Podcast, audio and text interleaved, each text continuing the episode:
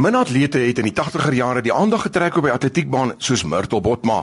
En wie sal ooit vergeet toe sy die wêreldrekord probeer verbeter het op die Randse Afrikaanse Universiteit se atletiekbaan. 53, 53 het sy dit gemaak 53. Kom af. 453,5.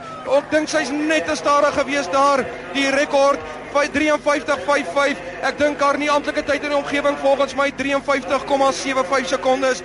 Ons het verlede week gepraat van Jacques Botes wat na sy aftrede betrokke by rugby gaan bly as mentor vir die volgende generasie spelers en hoe dit ons verantwoordelikheid is om die goeie nuus van die evangelie uit te dra. 'n Vriend van my, Dominee Bartnel, het vir my iets van Myrtle Botma aangestuur wat ek graag met julle wil deel. Tydens die Olimpiese spele van 92 wat in Barcelona plaasgevind het, het sy gekwalifiseer om in die eindronde deel te neem. Ongelukkig het sy by die sewende hekkie geval en haar heup op twee plekke gebreek. Kyk wat sê sy daarvan. Ek het die val gebruik as motivering en vir myself gesê, daar is geen kortpad na sukses nie. Kom ons leer vanmôre by Myrtle. Ons almal val maar een of ander tyd in die lewe. Jy kan op 'n hoopie gaan sit en murmureer of jy kan dit gebruik as motivering. Iemand het eendag gesê, dit maak nie saak hoeveel keer jy val nie. Wat saak maak is hoeveel keer staan jy op.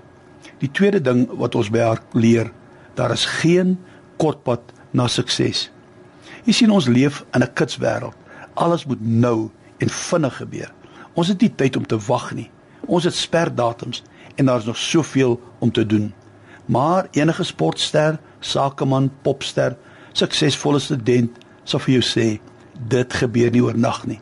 Daar is nie 'n kort pad nie. Dit vat tyd, moeite en deursettingsvermoë om bo uit te kom. In ons geestelike lewe is dit presies dieselfde. Om 'n kind van die Here te word is maklik en oombliklik, maar om sy kind te bly en geestelik te groei, is daar geen kort pad. Dit vat, soos met sportmense, toewyding, deursettingsvermoë en vasbyt. Myrtle is nou by skool in Pretoria betrokke waar sy die kinders onder haar vlerke neem en van hulle wenners maak. Luister na haar advies aan hulle. Dit was haar motto en het van haar een van die bestes in die wêreld gemaak. Glo in God en glo ook in jouself. Ek kan jou nie vandag met beter raad los nie. Glo in God, hy sal jou nooit teleurstel nie. Glo in jouself want ook jy kan 'n wenner wees. Jesus, dankie dat die Bybel ons leer, U is die weg, die waarheid en die lewe.